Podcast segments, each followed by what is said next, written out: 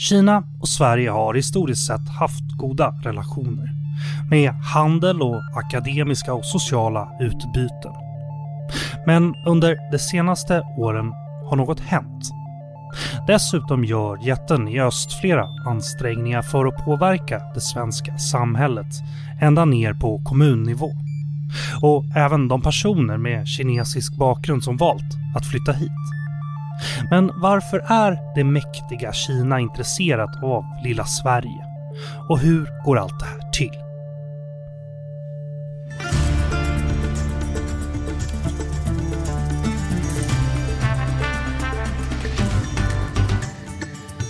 Du lyssnar på Utrikespolitiska institutets podd Utblick och jag heter Jonas Lövenberg. Hoppas du som lyssnar har haft en trevlig jul och ett finfint nyår. I det här avsnittet ska vi prata om hur världens näst största ekonomi och tillika en av världens mäktigaste stater, Kina, arbetar för att påverka samhället hela vägen ner på kommunnivå i vårt lilla land, Sverige. Och även hur de kineser som valt att leva här också är en måltavla för påverkansoperationer. För att hjälpa mig och er att förstå det här bättre har jag med mig Erika Staffas Edström, analytiker vid Nationellt kunskapscentrum om Kina, även kallat NKK. Välkommen Erika. Tack så mycket. Och Gustav Sundqvist, även han analytiker vid Nationellt kunskapscenter om Kina. Välkommen. Tack så mycket. Och det är välkommen tillbaka. Det var inte så länge sedan du var här. Och Erika, om ni lyssnar på Utblick Extra så har ni hört Erika för inte så länge sedan heller faktiskt. Eller det var, ju, det var ju förra året faktiskt. Vi ska börja i den här ändan då. Erika håller på att skriva en rapport om det här vi ska prata om och Gustav har skrivit en rapport om delar av det vi ska prata om. Så jag tänkte att du skulle få börja. Gustav, du har skrivit den här rapporten tillsammans med din kollega Frida Lindberg. Och den släpptes nyligen och den handlar om kinesiska påverkansoperation mot svenska kommuner. Kan du bara berätta kort om vad det är för rapport?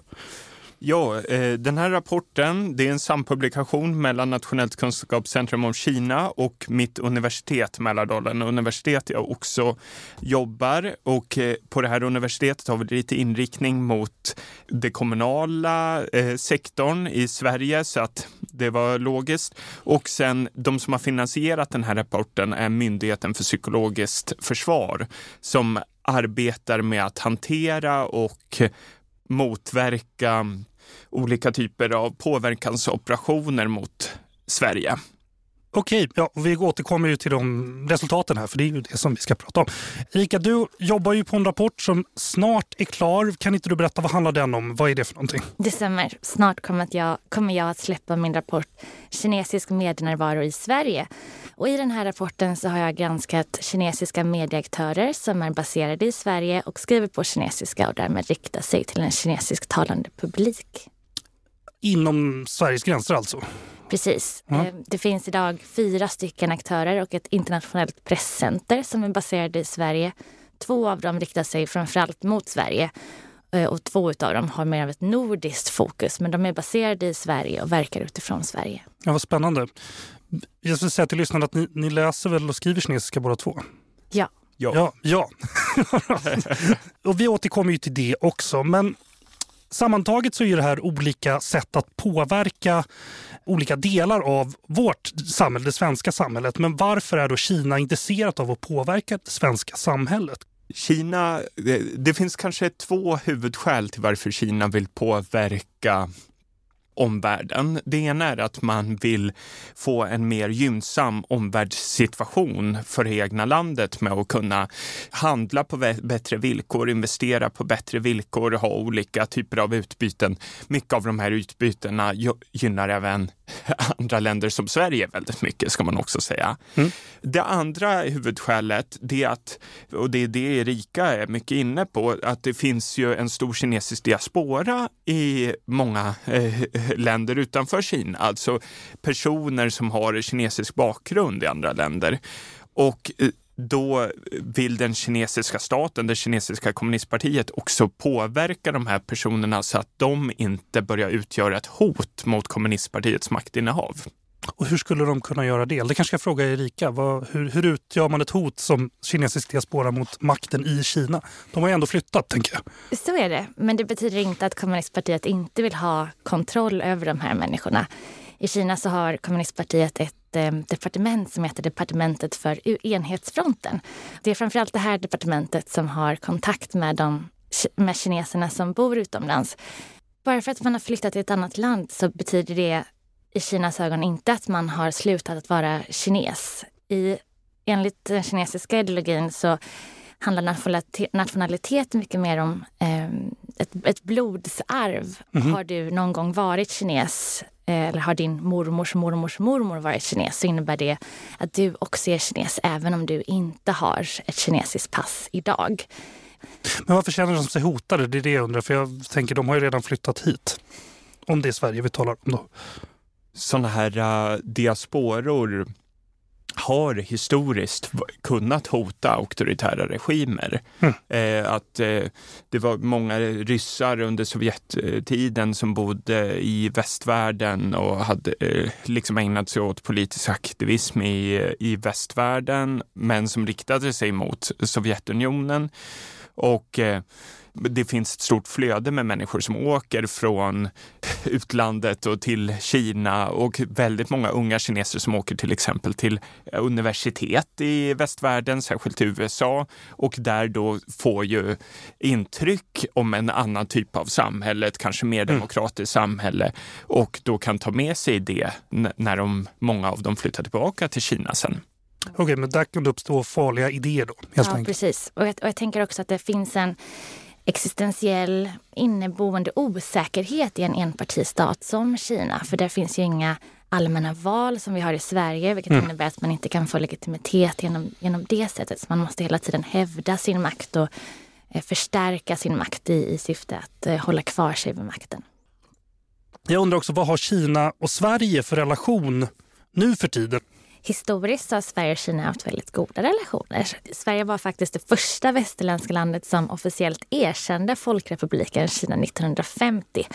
Vilket ofta används för att tala om hur god och hur lång relationen har varit. Handelsrelationerna började redan på 1700-talet där eh, Svenska Ostindiska kompaniet hade utbyten med Kina och gjorde flera resor. Och man har haft diplomatiska förbindelser också på 1800-talet. Idag så är Kina Sveriges största handelspartner i Asien och har massvis med utbyten inom utbildning och forskning etc. Och min uppfattning är att i de lägen där Sverige inte blivit eh, misstaget för ett annat land som börjar på S i Europa och är välkänt för god choklad, fina banker och höga alptoppar så har Sverige haft ett väldigt gott renommé. Man pratar ofta om svensk välfärd, eh, svensk innovationskraft, starka svenska företag men också svensk eh, bordtennisförmåga. Just det. men de senaste åren så får man ändå säga att det har skett en vändning i de bilaterala relationerna. En viktig startpunkt för det är ju kidnappningen av den svenska medborgaren och förläggaren eh, Gui Minhai 2015. Eh, men det har också skett eh, mot en bakgrund av en förändring i den svenska opinionen om Kina. Vi har under de senaste åren sett en, en ökad mediebevakning av eh, situationen för mänskliga rättigheter. Vi har talat mer om eh, Kina, beroende till Kina och eh, direktinvesteringar från Kina och vad det får för konsekvenser.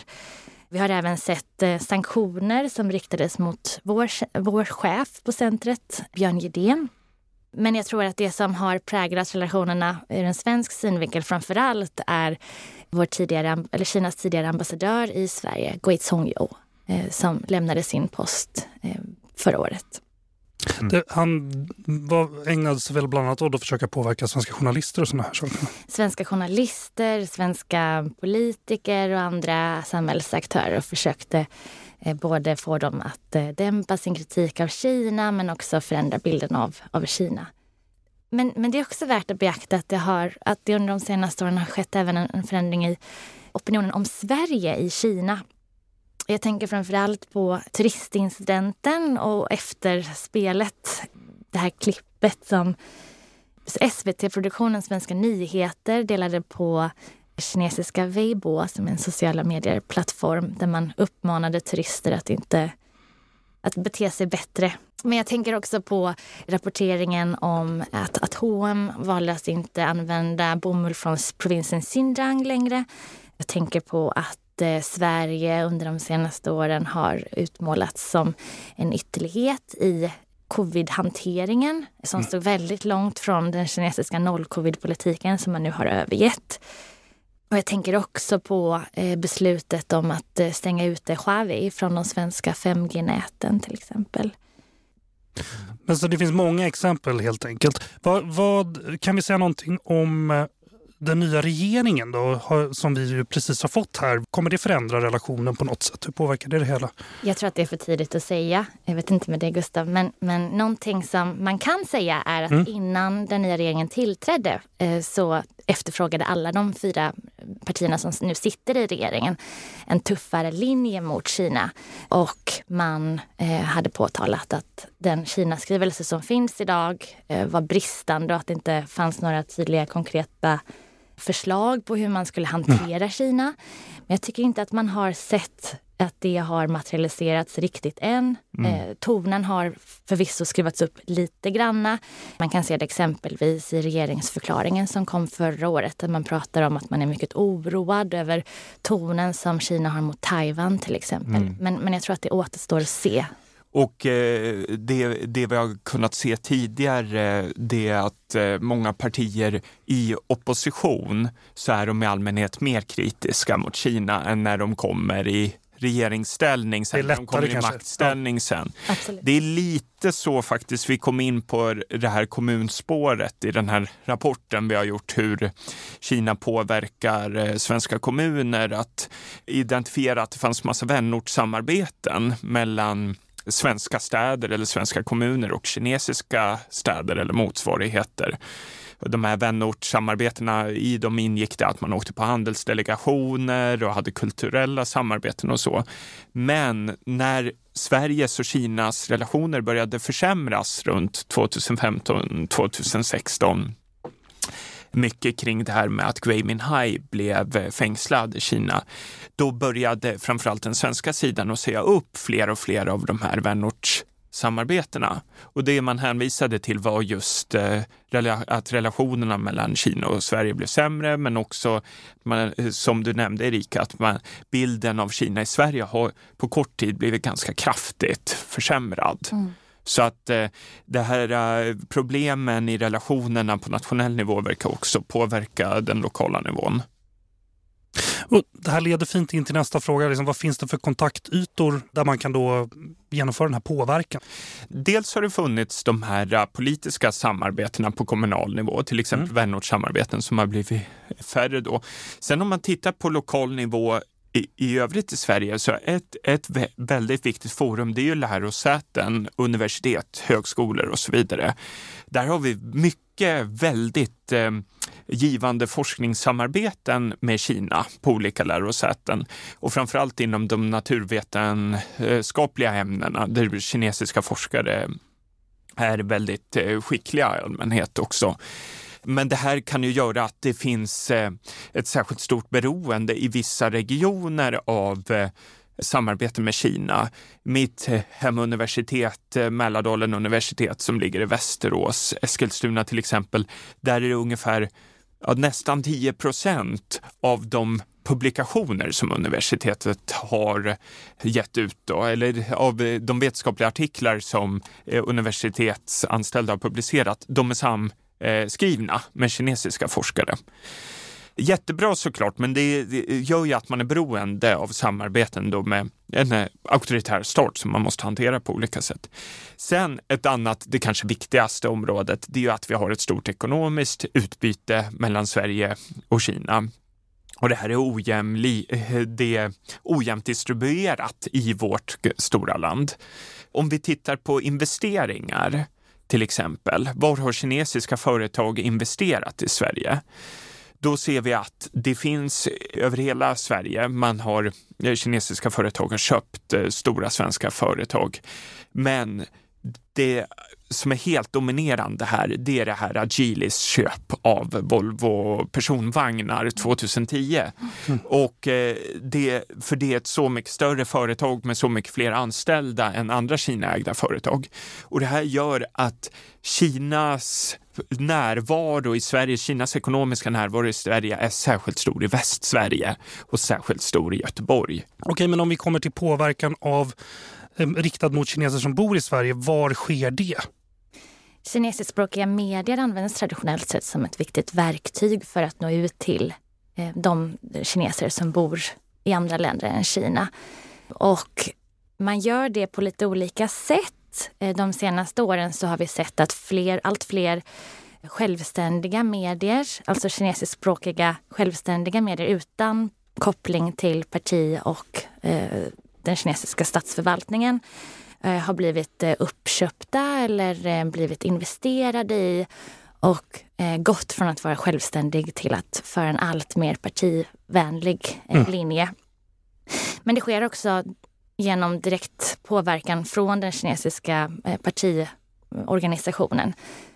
Kinesiskspråkiga medier och kommunistpartiet har framförallt kontakt genom ett departement som heter Departementet för enhetsfronten och det är en byrå med eh, fyra, eller 14 olika ansvarsområden varav en av dem som heter Overseas Chinese Affairs Office och de bedriver påverkan genom att man bjuder in till medieforum där man bjuder in utländska journalister att, att delta i en resa eh, där man får besöka en, en plats och tala med utvalda personer. Och sen finns det en förväntan på att man ska komma tillbaka till sin redaktion och publicera det som det narrativ som kommunistpartiet mm. vill dela. Eh, men det sker också genom en, eh, en dumpning av eh, nyheter eh, som man erbjuder gratis nyheter eller, eller nyheter till ett väldigt förmånligt pris som lokala medieredaktioner kan ta del av och, och liksom sprida vidare i sina egna nätverk. Så på så sätt så kan kommunistpartiet sprida sina egna narrativ vidare i andra mm. regioner och använda de här kinesiskspråkiga medierna som, som ett, ett verktyg, helt enkelt, ett fordon för det. Hur ser det ut i sociala medier då? När jag började den här studien så eh, var jag först intresserad av sociala medier och eh, försökte eh, granska flera plattformar och försökte hitta användare som skrev på kinesiska och var baserade i Sverige. Men något förvånande så tyckte jag inte att jag fann särskilt mycket. Jag mm. hittade desto fler aktivister som var för eh, falungong eller Taiwan eller Hongkong men, men jag tyckte inte att jag såg några röda influencers som försökte sprida kommunistpartiets narrativ i Sverige eh, mot en, mot en eh, publik riktade som fanns i Sverige. Nu kommer vi in på här hur det här går till. Alltså vad, vad, är, vad är det för narrativ som man vill sprida då? Eh, man bygger upp narrativ om att eh, kommunistpartiet är starkt eh, och man försöker sprida de ideal som kommunistpartiet förespråkar. Väldigt tydligt och någonting som jag också beskriver i min rapport är att man försöker arbeta för att främja ett positivt narrativ kring eh, provinsen Xinjiang i Kina. Mm. Eh, och Xinjiang är en, en, provins som är hem för massvis av minoriteter, bland annat uigurminoriteten som, som eh, blir utsatta för eh, otroliga, eh, otroligt hemska eh, saker vi har gjort ett program om det här faktiskt. Ja, jättebra, lyssna på det. lyssna på det. Ja, det är inte så upplyftande. Eh, men det, låt oss säga att det är inte den bilden som man delar i kinesiskspråkiga medier. Nej. Eh, det finns till exempel en en aktör som har blivit inbjuden på en sån här statsorganiserad resa och åkt till Xinjiang. Hon var där i ja, drygt en vecka tror jag eh, tillsammans med 20-talet andra medier och åkte sen hem och har i Sverige visat upp flera fotoutställningar, minst fem fotoutställningar. De här fotoutställningarna delar ett narrativ av att kommunistpartiets agerande i Xinjiang under de senaste åren har bidragit till att regionen har blivit mycket säker mm. och en mycket mer harmonisk plats vilket då rättfärdigar kommunistpartiets eh, agerande i Xinjiang. Den här reporten då, eller den här personen som var inbjuden, är det en, en, en kinesisk person eller en svensk eh, med svenskt ursprung? Eller? Det är en eh, svensk medborgare som är född i Kina och nu okay. redaktör för eh, två av de medier som jag har granskat. Hur formulerar man sig då i de här texterna som man skriver som ska nå kineser i Sverige? Lite krasst så bör man först skilja på eh, vad det är för typ av artiklar som publiceras. Först och främst så publiceras en hel del material som har författats av en annan redaktion än den media som faktiskt publicerade. Och det är artiklar eh, som jag nämnde tidigare eh, som författas framförallt av kinesisk statsmedia och kinesisk partimedia som, som man gratis eh, lånar ut eller, eller skickar till de här medierna med uppmaning om att de ska publiceras. Ehm, det rör sig också om artiklar som man eh, får eller lånar från eh, den kinesiska ambassaden, framförallt i Sverige men också i de andra nordiska länderna som man återpublicerar på sin, i sina kanaler. Ehm, men även artiklar som är författade av eh, kinesiska diasporaorganisationer i Sverige. Ehm, och slutligen en hel del egna artiklar i de här egenskrivna artiklarna är det vanligt att man gör ett ganska selektivt urval när man rapporterar om en nyhet. Det kan röra sig om att man till exempel väljer ut en, en svensk eller nordisk forskare som har sagt någonting som gynnar det kinesiska narrativet och spelar an på det. Eller att man eh, förvränger ett budskap så att det eh, stämmer i enlighet med det kinesiska narrativet. Och allt det här blandas med nyheter som vi kanske skulle kalla för eh, faktiska nyheter eller, eller rena nyheter eh, med källor som kommer från SVT mm. eller DN eller mm. Eh, BBC. Och, och, den här mixen gör det väldigt svårt för läsaren att, att förstå vad det är som är vinklat och vad det är som är placerat där med ett syfte att, att skapa eh, en, en, liksom ett förmedla ett budskap eh, hos men precis, och som, som journalist kan jag säga att det där är ju ett, ett, finns ju ett problem där att man, när man lånar sin trovärdighet av någon egentligen och då här mm. lånar de den av etablerade nyhetsorganisationer. Så. Mm. Den här strategin har till och med ett namn. Vad, vad heter den då? Det heter eh, låna, en bo, eh, låna en båt och ro till havs. Eller köpa en, en båt och ha till, eh, köpa en båt och ro till havs. Mm. Okej. Okay. det är etablerat även i Kina. Aha, wow. Ja, vad spännande. Men, och Gustav, vi frågar, hur går det till då på kommunplanet då när man vill bedriva påverkan mot Sverige? Eh, det är mycket eh, likheter som kommer upp när jag hör vad du säger Erika, att man använder eh, dels morot och dels piska på olika sätt för att få aktörer utomlands att agera som man vill. Och jag vill bara lyfta ett ett tydligt exempel som anknyter till det här jag pratade om tidigare med de här vänortssamarbetena mellan Sverige och Kina. Göteborg har ett sådant vänortssamarbete med Shanghai. Och eh, det har varit en diskussion sedan några år tillbaka ifall man skulle säga upp det eller inte. Jag nämnde nyss att många sådana vänortssamarbeten har sagts upp. Men eh, där var den här tidigare ambassadören Great Song Yo ute i en eh, intervju, jag tror det var 2019 i Göteborgs-Posten och argumenterade då för att det skulle bli eh, konsekvenser på, om man sa upp det här avtalet. Och då uttryckte han sig så här äh, lite brett, lite svepande och det är ganska vanligt för hur äh, kinesiska statsaktörer uttrycker sig i sådana här sammanhang. Men det här ska ju ses mot bakgrund av att Kina har infört olika typer av sanktioner mot Sverige mm. tidigare. Det kom den där bojkottskampanjen kring H&M till exempel och så vidare. Och det här tror jag kan göra att många lokalpolitiker kan tolka det som att eh, det är ett hot och vi kommer drabbas av konsekvenser om vi skulle gå vidare och säga upp det här vänortsavtalet. Mm. Och eh, bara en intressant sak är att i slutändan valde kommunen att inte säga upp vänortsavtalet med Shanghai. Mm. Okej, okay, och går, det, går det att säga att det beror på det här? Eller det, det, kanske är en det, av faktorerna? Det vet, vi, det vet vi inte. Jag har Nej. försökt att förstå mer hur den här processen har gått till, men eh, det mm. vet vi inte. Ja.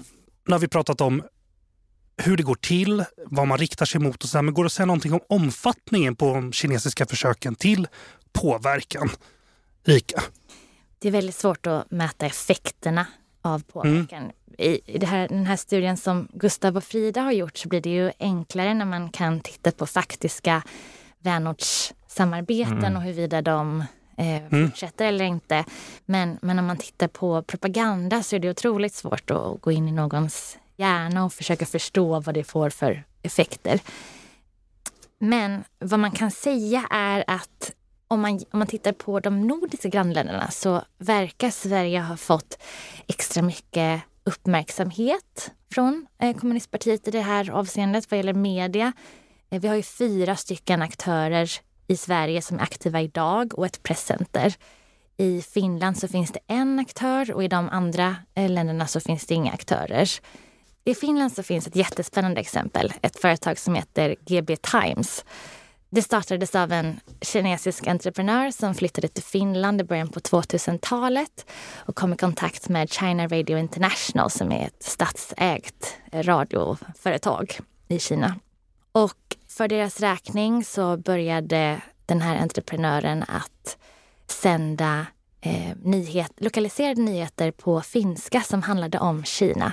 Och man gjorde det genom att köpa upp annonsplatser ute hos radio eh, ute, ute hos radiostationer som redan fanns. Alltså i reklamen mittemellan musik eller annan eh, radiounderhållning så kunde man helt plötsligt höra i Kina så har Xi Jinping sagt att Hur togs det emot? Då? Den kinesiska drömmen är ja, alltså bra till en början tror jag, för de, de växte något otroligt. Eh, mm. Det handlade kanske mycket om att man, man hade så mycket pengar så man kunde göra i stort sett vad man ville. Men, men den här verksamheten växte och fanns även i Sverige och, skick, och sände nyheter på Mix Megapol till exempel.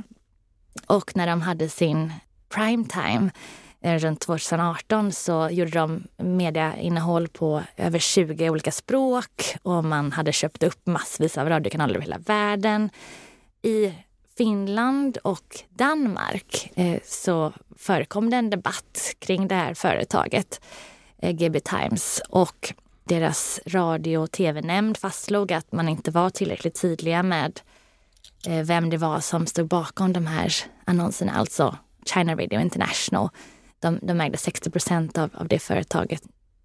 Och eh, efter att man slog fast det här så avslutade Mix Megapol så, som mm. i Finland, och, eller åtminstone i Danmark, sände de här radioklippen. Nu har det inte gått så bra för företaget. Chefen är mer i fängelse. Eh, han, har, han har svindlat massvis med pengar. Mm så att han hade väl kanske egna, eh, egen vinning att göra på det också. Men, men det är någonting som eh, förekommer helt enkelt. Och vad, vad, kan man säga då på kommunnivå, Gustav? Går det att säga någonting med... Någon, finns det någon storlek i hur omfattande försöken till påverkan är? Det är väldigt olika beroende på vad det är för typ av påverkan. Det här är påverkan mot kommunpolitiker inte så omfattande i Sverige. Men sen finns det mycket områden som kommunerna har ansvar för där, där det kan ske en hel del på, påverkan jag kan nämna ett, ett viktigt område är ju naturligtvis eh, spionage där mm. även kommuner på, eh, påverkas. Och då eh, vet vi internationellt att det finns, sker en omfattande industrispionage från, från Kina och säkerhetsmyndigheter i Sverige har också uppgett att det pågår ett ganska omfattande industrispionage från kinesiska aktörer mot svenska aktörer. Sen finns det också något som kallas för cyberspionage som är lite överlappande med industrispionage. Och det är att man digitalt kan samla in stora mängder data mycket känslig data, till exempel om individers, eh, var de bor eh, och vad de kanske har för sjukdomar och var deras barn går på dagis. Ni fattar den typen av information. Det går digitalt att samla in ganska lätt och problemet är att kommuner har tillgång till väldigt mycket sån här mm. känslig data och många svenska kommuner har haft problem med att internetsäkerheten inte faktiskt är på tillräckligt hög nivå. Och där har vi sett cyberangrepp mot kommuner som med stor sannolikhet är kopplat till Kina, men också till andra länder. Och problemet med om, om aktörer utomlands får tillgång till den här typen av känslig data så kan det användas för att eh, till exempel sätta press på enskilda individer för att få mm. olika hemligheter och så vidare. Vi har också andra exempel Eh, som berör kommuner på så vis att det berör medborgare som bor i kommuner och det är också det här med personer med en bakgrund i Kina på olika sätt. Det behöver inte vara personer med hankinesisk bakgrund utan många personer som har bakgrund i Xinjiang, eh, mm. uigurer, tibetaner till exempel. Där vet vi att det förekommer ett ganska omfattande flyktingspionage mot de här grupperna i Sverige. Vi har två ganska profilerade domar mot eh, agenter som, eh, som har agerat eh, i samarbete med den kinesiska säkerhetstjänsten för att eh, spionera på det tibetanska och uiguriska samhället i Sverige de här polisstationerna, var inte det en grej också? Jag tror att det är viktigt att poängtera att vi inte vet ja. så mycket om de här polisstationerna eller servicestationerna som de också kallas. Jag tror också att det är viktigt att belysa att eh, det här är någonting som har varit eh, känt och dokumenterat länge. Även om det inte har förekommit internationell press. I kinesisk statsmedia så har man skrivit om det här sedan 2016, 17 Mm. Eh, och det har inte varit någon, någon hemlighet utan det är någonting som man har varit väldigt stolt över och man har beskrivit den fantastiska utveckling som man menar att de här polisstationerna har eh, bidragit till och, och, den ökade servicen för utländska, eh, utlandsboende kineser. Mm. Syftet officiellt är ju att man ska eh, stötta kineser utomlands bland annat med att eh, förnya körkort men vi vet ju inte idag vad det är för typ av verksamhet som verkligen bedrivs. I, i några fall så har, vi, eller så har det dokumenterats att man har bedrivit utpressning och eh, tvingat eller liksom influerat kinesiska medborgare utomlands att återvända till Kina. Man har använt diverse metoder, till exempel att eh, hota med att eh, släktingar inte får gå i skolan i Kina. Släktingar till de här individerna alltså, eh, vilket man kan ha åsikter om. Men, men vi vet inte om det är fallet i Sverige. Till min kännedom åtminstone så finns det inte någon, någon bekräftad uppgift på att det har förekommit i Sverige. Den personen som är ansvarig för polisstationen här i Sverige är ju eh, en person som har befunnit sig i Sverige länge och inte en stats, kinesisk statstjänsteman utan någon som har en bakgrund inom ledande positioner inom den kinesiska diasporan.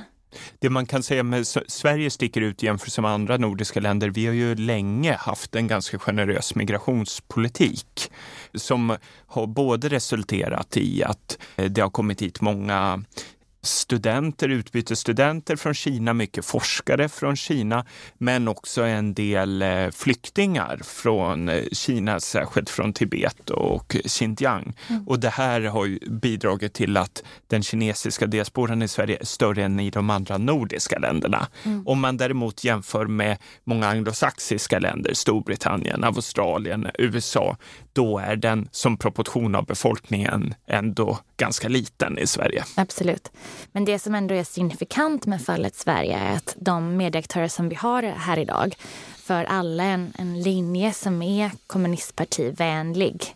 Så är det inte i alla andra länder. Där, där I många länder så finns det fortfarande eh, självständiga medieaktörer som bidrar till att eh, publicera oberoende diasporanyheter. Men, men det är inte fallet i Sverige. Gustav, du var inne på det lite förut, men skiljer det sig i olika delar av landet hur, hur stor påverkan är? Vi ser inte att det är en stor skillnad i olika delar av landet, men jag vill ändå poängtera att sårbarheten för påverkan från Kina är särskilt stor i Västsverige. Och det beror på att det ekonomiska utbytet men också det ekonomiska beroendet av Kina är särskilt stort i Västsverige och mm. särskilt i Göteborg. Och det är på grund av industrin och Geely och så? Ja, stort, visst. Stort. Mm. mm. Vilka kinesiska aktörer är det som försöker påverka det och vilka är backade av kinesiska staten? Det låter som att de flesta som agerar här har ändå backning. Det är många aktörer som har olika typer av kopplingar till den kinesiska staten och ett problem i fallet Kina det är att Kina är i hög utsträckning en planekonomi där kommunistpartiet och staten i högre eller mindre utsträckning genomsyrar stora delar av det kinesiska näringslivet, företag, olika samhällsaktörer och olika medier. Och det här gör att staten eller kommunistpartiet har ett potentiellt stort inflytande även över till exempel kinesiska affärsmän. Samtidigt, det här ställer en stor, det är en stor utmaning för det svenska samhället, eh, den här situationen, för det gör, det är också väldigt problematiskt om alla personer med någon slags bakgrund i Kina blir misstänkliggjorda ja. och, och svartmålade som kinesiska agenter. Och eh, självklart, jättemånga bidrar ju otroligt mycket till eh, den ekonomiska utvecklingen i Sverige. Det är jättemycket forskare som bidrar till innovation i Sverige, utveckling av grön teknik eh, och, och, så vidare. Va? Och bara för att belysa det här problemet så eh, är det, det är en låg eh, politisk aktivitet bland personer med kinesisk eh, bakgrund i Sverige. Det finns ganska få exempel på personer med kinesisk bakgrund som har kandiderat till olika politiska mm. positioner, fått olika politiska positioner. Jag upplever att det här eh, det är ett problem och det blir ju inte bättre av mer svartmålning av det här communityt. Men det ansvaret ligger delvis på det kinesiska kommunistpartiet också i och med att man har en sån aggressiv påverkanskampanj som riktas mot den här äh, gruppen. Mm. Och jag måste också fråga varför, varför på kommunnivå? Det har vi inte riktigt frågat. Ja, det, jag, jag tror det här också är relaterat till äh, Kinas kommunistiska äh, system bland annat. Att när Kina i slutet av 70-talet, 80-talet, när det genomfördes ekonomiska reformer där, då genomfördes det som experiment först i eh, de rikaste städerna längs med kusten och så vidare. Och då fick de städerna autonomi att eh, bedriva sin egen lite mer marknadsanpassade politik och då började många som en del av det att knyta vänortssamarbeten med eh, städer i andra länder. Men samtidigt på grund av att man hade den här eh, planekonomiska strukturen kvar i hög utsträckning så hade då eh, de här Eh, statsregeringarna, de hade också väldigt nära relationer med näringslivet i sina städer. Och många gånger så var det kanske en borgmästare som ledde eh, ekonomiska delegationer som kom eh, till andra länder. Och inte minst genom den här typen av vänortssamarbeten och så vidare från den tiden så har det funnits ett starkt fokus i Kina på att knyta kontakter från politisk nivå med den politiska nivån i delstater eller kommuner i andra länder. Mer lokal nivå. Med, mer lokal mm. nivå. Och eh, jag, jag, jag misstänker att från den kinesiska sidan kan det ibland finnas en tanke om att kommunpolitiker utanför Kina har en större makt och större inflytande än vad de faktiskt har. I, mm. För att i Kina kan lokala politiker ha ett väldigt stort inflytande. Ja, det speglar deras eh, Jag system. Till viss del att det speglar mm. deras system också. Har den kinesiska närvaron förändrats över tid? Och hur ser det ut framåt? Gustav, kan vi säga något om det? Den kinesiska närvaron i Sverige har gradvis bliv, blivit större och större under sedan den här eh, ekonomiska reformen inleddes i slutet av 70-talet, början av 80-talet. Och det här har gjort att vi har en ganska stor kinesisk diaspora i Sverige, många med bakgrund i Kina. Det har också gjort att vi har mycket handelsutbyte med Kina. Det har varit ganska omfattande investeringar från Kina i Sverige. Sen, precis de sista åren har det här stannat av något. Det beror dels på de försämrade relationerna mellan Sverige och Kina, mellan Kina och västvärlden i stort, eh, ska jag säga också. Den här handelskonflikten mellan Kina och USA spiller också över och gör att mm. det ekonomiska utbytet mellan Sverige och Kina utvecklas inte riktigt upplever jag, på samma sätt som det gjorde tidigare.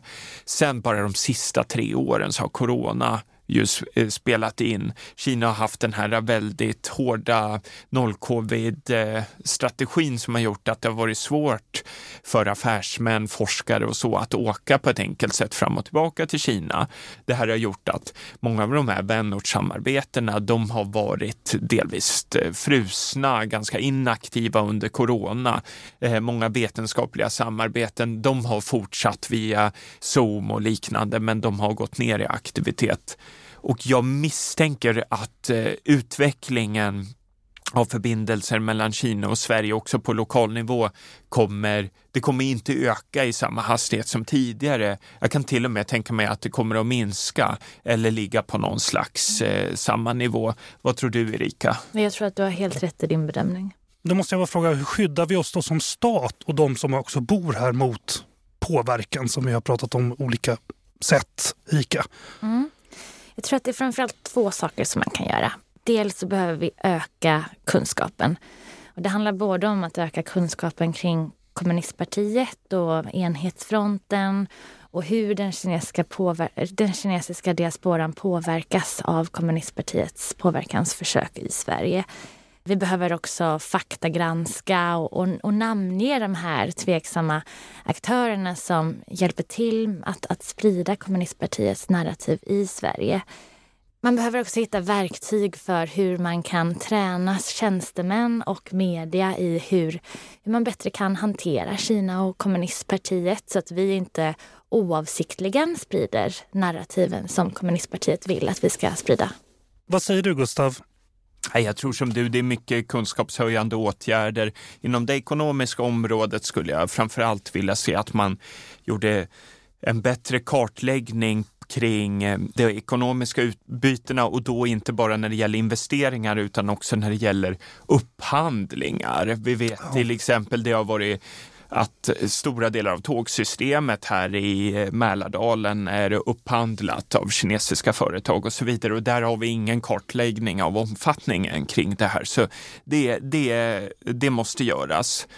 Sen tror jag att det, det är en stor utmaning för Sverige som inte bara berör den kinesiska diasporan utan vi är ett multikulturellt land med personer som kommer från massa olika håll av världen och många av de länder som människor har sin bakgrund i, det är stenhårda diktaturer. Och då måste vi i Sverige hitta verktyg för att stödja personer som bor i Sverige, bor i svenska kommuner och som vårt samhälle har ansvar för så att deras demokratiska rättigheter är skyddade. Och där tror jag det är bra om man då ser dem det här är som att de här människorna, de är inte trojanska hästar för utländska makter som liksom vi ska se som hot, utan vi, vi har ett, hela vårt samhälle har ett ansvar för att stötta de här personerna så de har samma rättigheter som alla andra i Sverige. Mm. Så där tror jag att man måste utveckla bättre verktyg för det här och det, och det är mycket mycket handlar om olika typer av kunskapshöjande åtgärder inom hela det svenska samhället. Mm. Men vi kan också öka motståndskraften genom att se över vår egna lagstiftning och ja. se vad det finns för glapp. Idag så finns det exempelvis väldigt begränsad lagstiftning vad gäller utländskt ägande av media. Det har funnits diskussioner de senaste åren att det ska ingå i den här nya granskningsmekanismen av utländska, eller för utländska direktinvesteringar. Men, men det kommer nu som, som det ser ut inte att ingå, vilket jag personligen tycker är ett misstag. Jag var i Bryssel för en månad sedan eh, och då var det någon som nämnde att man på EU-nivå borde ta fram en, en fond eh, som stöttar journalister som eh, nu lämnar Hongkong och Kina, alltså kineser och hongkongneser som väljer att inte fortsätta verka i Kina eller Hongkong vill skapa en ny möjlighet att, att fortsätta verka utomlands. Okej, okay, eh, vad spännande. Ja, jag tycker det är mm. en, en sån lysande idé verkligen. Om man kan bidra till att, att de får etablera sig utomlands så kommer vi ha fler självständiga, oberoende aktörer som mm. kan rapportera om Kina, vilket, vilket skulle nyansera rapporteringen om Kina. Avslutningsvis då, vad kan man göra som enskild person då för att skydda sig och oss som samhälle kanske mot påverkan? Gustav? Ett exempel som vi knappt har tagit upp det är ju den här populära appen TikTok.